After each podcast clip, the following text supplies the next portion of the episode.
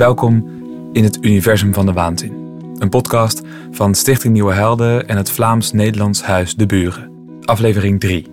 Een bewerking van een waanzinnige avond in Theater Frascati in Amsterdam op 30 oktober 2020. Opgenomen vlak na de voorstelling Istanbul bericht van de andere kant. Een gesprek over het werk van Orhan Pamuk en de kunst van het vertalen. Met Pamuk-vertaalster Hanneke van der Heijden, theatermaker Michael Bloos, dat ben ik zelf, en de schrijver van het toneelstuk, Freek Viele. Onder leiding van journalist Ella Cholak. Welkom allemaal hier in Theater Frascati bij het naprogramma Orhan Pamuk en de vertaling van Istanbul. Het programma is onderdeel van de Maand van de Geschiedenis en dit jaar als thema Oost slash West. Uh, mijn naam is Ella Cholak, ik ben een journalist. Naast mij zit Michael, die hebben we zojuist gezien in zijn theaterstuk. Daarnaast zit Hanneke van der Heijden. Zij is vertaalster van verschillende boeken van Orhan Pamuk. En daarnaast zit Freek Vielen, schrijver van dit theaterstuk, Istanbul Bericht van de andere kant.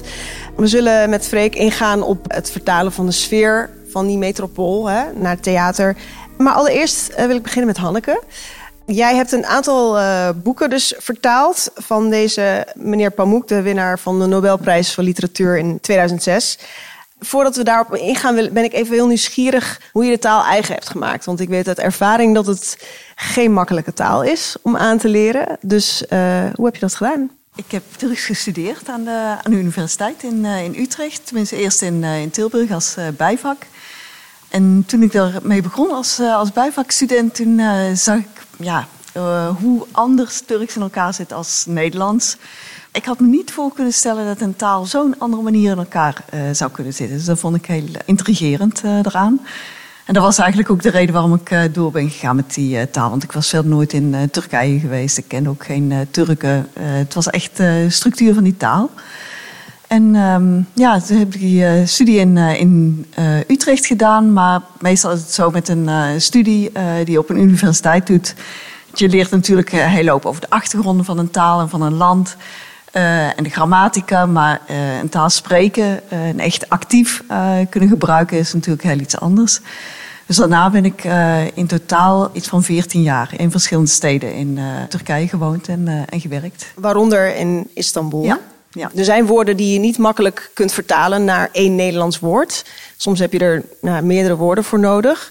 En is dat wat je in Turkije dan eigen hebt kunnen maken? Ja, met vertalen is het eigenlijk bij ieder woord wel zo dat je uh, er uh, twee of drie of misschien nog wel meer uh, andere equivalenten voor hebt in de andere taal. Dus in mijn geval in het Nederlands. En ja, voor Turks is het niet anders. Ik denk inderdaad als je in een land woont en, en werkt en deel bent van het dagelijks leven, mensen kent, hun verhalen meemaakt, zelf van alles ziet en hoort en dan krijg je wel steeds beter, uh, in ieder geval voor jezelf een steeds beter beeld.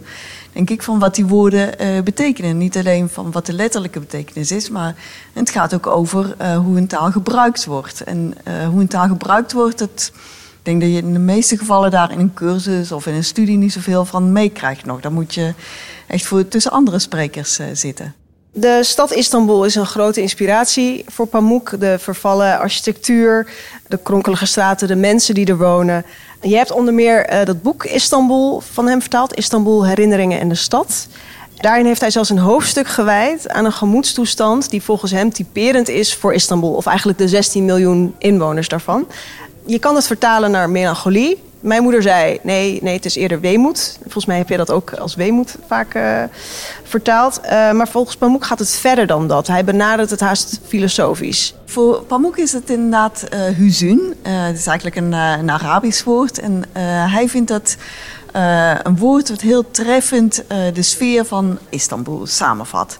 En niet alleen voor hemzelf, maar um, hij beschrijft het als een collectief gevoel. En dus wat uh, voor alle inwoners van Istanbul geldt. En hij zet inderdaad af tegen melancholie en tegen tristesse. Dat vindt hij hele andere woorden die wel in de buurt komen.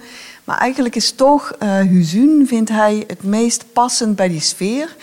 En wat voor hem zo bepalend voor de sfeer van Istanbul is het feit dat het uh, ooit een, uh, een, stad was die zelfs drie keer uh, de hoofdstad van een, een rijk is geweest.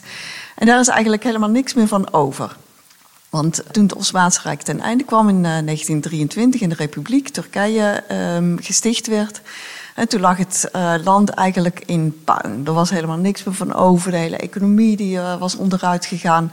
En vooral ook het hele zelfvertrouwen van het land was verbrokkeld. En dat uh, gevoel van ooit een heel groot rijk geweest te zijn... waar de halve wereld bang voor was... en vervolgens eigenlijk de zieke man van Europa te worden... En daar ook bijna niet van af te komen van dat uh, gevoel, dat is iets wat de stad heel erg aankleeft. Vooral omdat die geschiedenis, die hele geschiedenis van pracht en praal, nog zo dichtbij is. Want uh, nou ja, iedereen die een keer in Istanbul is geweest, iedere straathoek struikel je nog over resten van, van het oude rijk. Je ziet overal vervallen fonteinen, kerkhoven, oude moskeeën. Dus het is ook heel erg tastbaar. Veel tastbaarder dan dat wij in Nederland eigenlijk uh, gewend zijn. Die nabijheid van een rijk wat ooit zo machtig was en zoveel te zeggen had, ook op uh, mondiale schaal, en nu in zo'n andere staat verkeert. Ja, dat zijn uh, ingrediënten volgens Pamuk die heel erg verwoord worden door dat woord huzuun. En hij heeft er ook een hele passage aan over, dan, dan gaat het meer op microniveau over dat, het, dat hij een kind ziet blazen op een ruit. Of dat, er, uh, dat het einde van de dag is op een markt en de zon ondergaat. Het is, het is wel, ja, melancholie is wel onderdeel ervan. Pamukki staat sowieso bekend om zijn hele lange zinnen. En dat is dan een zin die wel, ik geloof, vier pagina's of zo uh, beslaat. Een hele opsomming uh, van allerlei situaties of straatbeelden uit Istanbul die voor hem dat gevoel uh, oproepen. En eigenlijk niet alleen voor hem. Hij suggereert ook dat het voor uh, iedereen in Istanbul wel zo zal zijn. Jij uh, vertaalt ook zo nu dan met je collega Margreet Dorlijn. Vertalen jullie samen de boeken van Pamuk. Ik las een keer in een interview dat Margreet zei dat ze zijn taal niet bepaald bloemrijk vindt. Dat vond ik een interessante opmerking over een Nobelprijswinnaar. Tegelijkertijd is zijn werk volgens jou heel ritmisch. Ja, maar die twee dingen hangen wel samen, denk ik. Want tenminste, ik denk bij een, eh, een bloemrijk schrijvende uh, auteur aan iemand die put uit een enorme woordenschat, die er heel erg van geniet om heel erg bijzondere woorden te gebruiken. Dat is inderdaad bij uh, Orhan Pamuk helemaal niet het geval. Eigenlijk kun je zijn boeken meestal wel vertalen zonder een woordenboek te raadplegen. Het zijn echt hele dagelijkse woorden die hij gebruikt. Maar tegelijkertijd vind ik, uh, is dat ook een van de mooie kanten. Want ook met hele dagelijkse woorden kun je heel veel uitdrukken. En het gaat toch heel erg vaak om de compositie. En uh, Pamukki staat wel heel erg uh, bekend als, om zijn plots. En die plots die zitten vaak heel erg um, ingenieus in elkaar. maar het gaat ook om compositie van het grotere verhaal, maar ook compositie van kleinere eenheden. Bijvoorbeeld de compositie van een zin of de compositie van een alinea. En ik denk ook uh, als het gaat over het vertalen van een sfeer, en het vertalen van een sfeer in een tekst bijvoorbeeld, of in een theaterstuk. Bij taal kun je bepaalde woorden kiezen. Ik denk dat er eigenlijk vaak nog meer om gaat om de combinatie van beelden. Of de combinatie van grotere taaleenheden, waardoor je ook een soort van ritme in een tekst krijgt. En er kwam één tekst bij jou op toen we het hierover hadden eerder. Die wilde jij even voordragen, waarin dat ritme en ook het gevoel van Huzun naar voren komt. Uh, ja, dat is één zin. Ja, ik vind het zelf een hele mooie zin.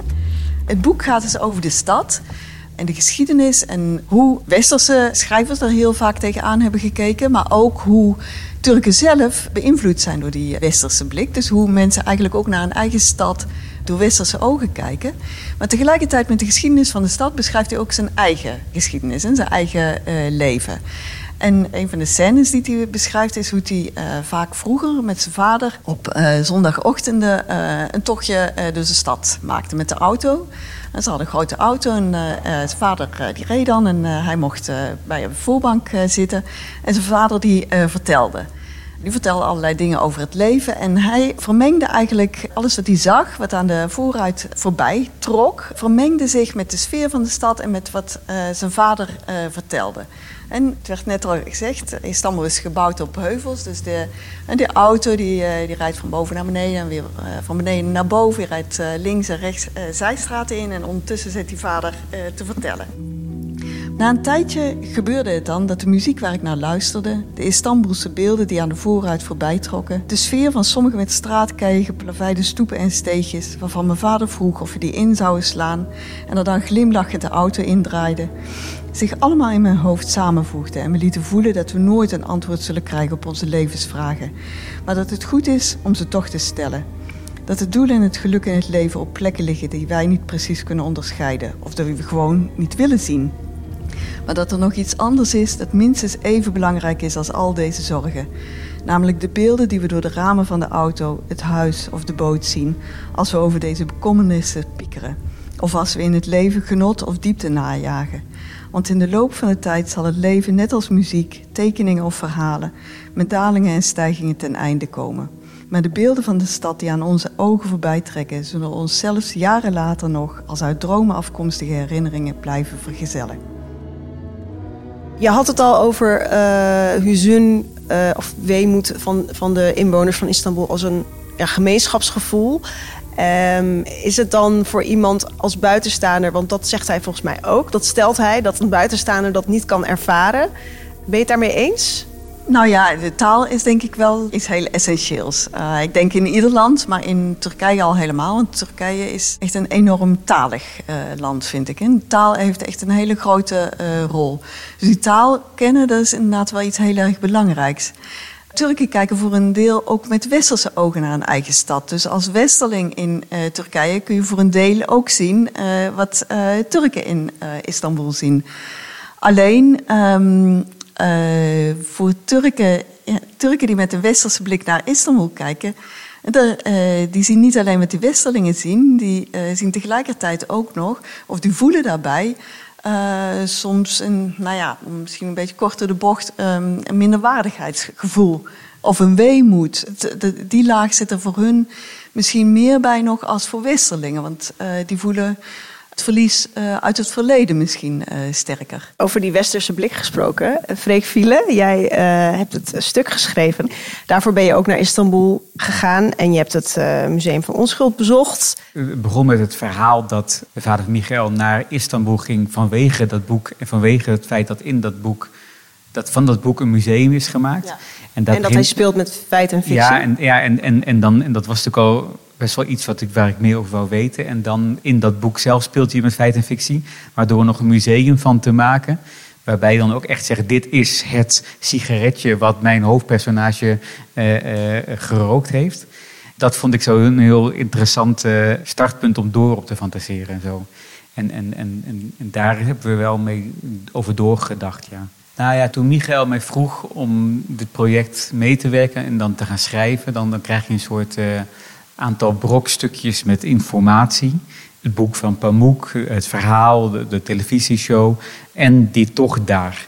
En wat ik eigenlijk gedaan heb, is gewoon bij al die verschillende brokjes heb ik proberen daar wat in te verdiepen en te kijken, uh, ja, geproefd hoe dat brokje dan smaakte, wat het dan was en te kijken wat daar dan bij bleef plakken. En dan is een van die dingen die ik wou doen. Ik heb ze bijvoorbeeld ook allemaal geïnterviewd. De vader en Michael en Amber. En een van de dingen die ik dacht, die ik ook moest doen, dacht ik, ik moet er ook heen gaan. En dan kijken om te zien wat, eigenlijk vooral om te zien wat Michael en Amber daar zagen. Toen zij daar waren, op zoek waren naar hun vader. Want ik vond het ook zo'n absurd idee dat je in een miljoenenstad dan rond gaat lopen of rond gaat rijden. Uh, om te kijken of je hem dan ziet of zo. Dus ik dacht, dat wil ik wel eens voelen en, en ik wil zien wat zij gezien hebben. Dus ik heb eigenlijk vrij letterlijk gewoon uh, een, een, een, gevraagd welk hotel zij hadden. En ik heb via een organisatie dan daar vlakbij in de buurt een plek kunnen krijgen. En toen ben ik naar het consulaat gelopen. En dat was dan dicht. Ik, weet, ik heb er niks speciaals gedaan hoor. Ik, ik heb gewoon dan gezien, ah ja, dit is het consulaat. En dan ben ik, dan ben ik teruggelopen naar uh, het museum van de onschuld. En dan moest ik gaan nadenken wat ik ging eten die avond en zo. Dus ik heb er gewoon rustig gewoon zes dagen een beetje rondgelopen. Maar getuige het stuk wat we hebben gezien, heb je wel veel indrukken opgedaan. En die heb je ook wel weten te vertalen. Wat was voor jou, toen je daar was, meteen herkenbaar in het straatbeeld? En wat werkte juist vervreemdend? Nou, ik heb sowieso natuurlijk vooral met de blik gekeken van... stel dat je nu op zoek bent naar je vader wat zie je dan hier? En dan zie je misschien ook eerder een onguur parkje. Waar je normaal misschien zou denken, ik, ik loop even die andere kant op. Ga je dan kijken, zit die daar misschien tussen of zo? Dus ik, probeerde dan met het te kijken hoe je dan zou kijken als je op zoek bent. Michael, jij hebt een soort uh, gezamtkunstwerk gecreëerd met uh, ja, een, verhaal dat, dat uh, geïnspireerd is op jullie ervaring in Istanbul. Er was een radiodocumentaire, een theaterstuk. Kunnen we nog meer verwachten van dit project? Of is het bij deze het universum van de waanzin bij deze rond? Er zijn een aantal dingen die nog op stapel staan en waar we mee bezig zijn. Voor mij heel erg vanuit het idee dat deze anekdote, dit verhaal, überhaupt vanuit verschillende kanten door de verschillende mensen die hem ondergaan hebben, dat die allemaal een verschillende invalshoek hebben. Dus ik vond ook heel erg dat het niet alleen maar vanuit mij verteld kon worden. En ook niet maar vanuit één discipline. Ik, ik hou er ook van om verschillende disciplines daarin te onderzoeken. En wat er nog op stapel staat, is onder andere een installatie in museum Gislen in Gent. Wat een uh, museum is wat gaat over psychiatrie en kunst en het, en het snijvlak daartussen. Um, waarin we een geluidsinstallatie gaan maken die um, alle geluiden uit de podcast um, heeft. En de installatie waar je in staat is geïnspireerd weer op dit decor.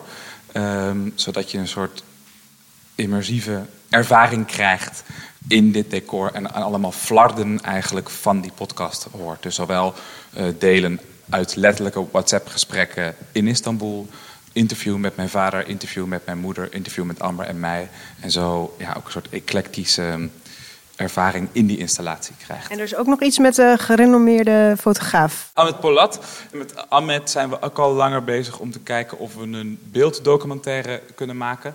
En ik ben met Ahmed bezig om te kijken of we veel meer een, een, een Turkse blik, dus ook zijn Turkse uh, blik van de stad kunnen krijgen. Om eigenlijk opnieuw terug te gaan naar die stad. En een van de ideeën daar nu van is dat we ook met onze vader daar naartoe teruggaan. En eigenlijk dat opnieuw weer, uh, dat, dat pad opnieuw weer lopen. Ik heb nog een laatste vraag aan Michael over je vader. Wat, wat vindt hij van al deze aandacht? We hebben nu verschillende avonden gehad. Dus we hebben, we hebben dit stuk nu een aantal keer gespeeld, maar we hebben hiervoor ook nog, um, we noemen ze waanzinnige avonden.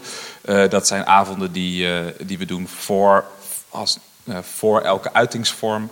En de eerste keer dat we dat hadden, ja, vond ik het rete spannend. Dat hij daar kwam. Ik dacht, oeh, ja, wat, wat, wat gaat hij vinden van wat ik hiermee doe en wat ik hiervan zeg. En ik wil ik wil het ook zo kunnen doen dat ik mezelf niet spaar en hem niet spaar. En natuurlijk hebben we daarvoor een gesprek gehad daarover. Hij heeft tegen mij altijd gezegd: Jij moet jouw verhaal maken hiervan. Dit is, ik heb mijn verhaal, ik vertel mijn verhaal hiervan. En jij moet jouw plek innemen. En Amber moet haar plek innemen in dit verhaal. En dat vertellen zoals je dat wil vertellen. En gelukkig heeft hij laatst gezegd van dat hij het zalvend vindt. Of dat hij het, dat hij het helend vindt om hier naar te kijken en er zelf weer een andere blik op te krijgen. En te denken, ah ja, het is misschien niet alleen maar mijn verhaal.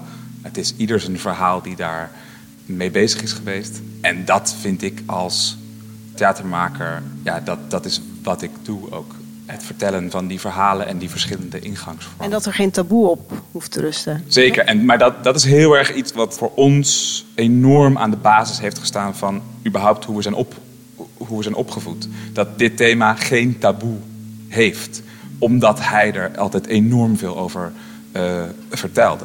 Dus daarom was het voor mij ook vrij snel, wist ik dat het geen probleem was om dit vanuit mijn standpunt te vertellen. En hem daar niet in te hoeven sparen. Nou, dank jullie wel allemaal voor jullie aandacht. En ik wil Freek en Hanneke en Michael ook bedanken.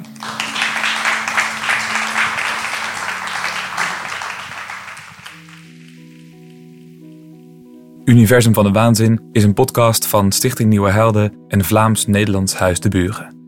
Wil je ons live zien, een waanzinnige avond bijwonen of naar een van onze voorstellingen komen? Of wil je reageren? Ga dan naar universumvandewaanzin.nl of deburen.eu.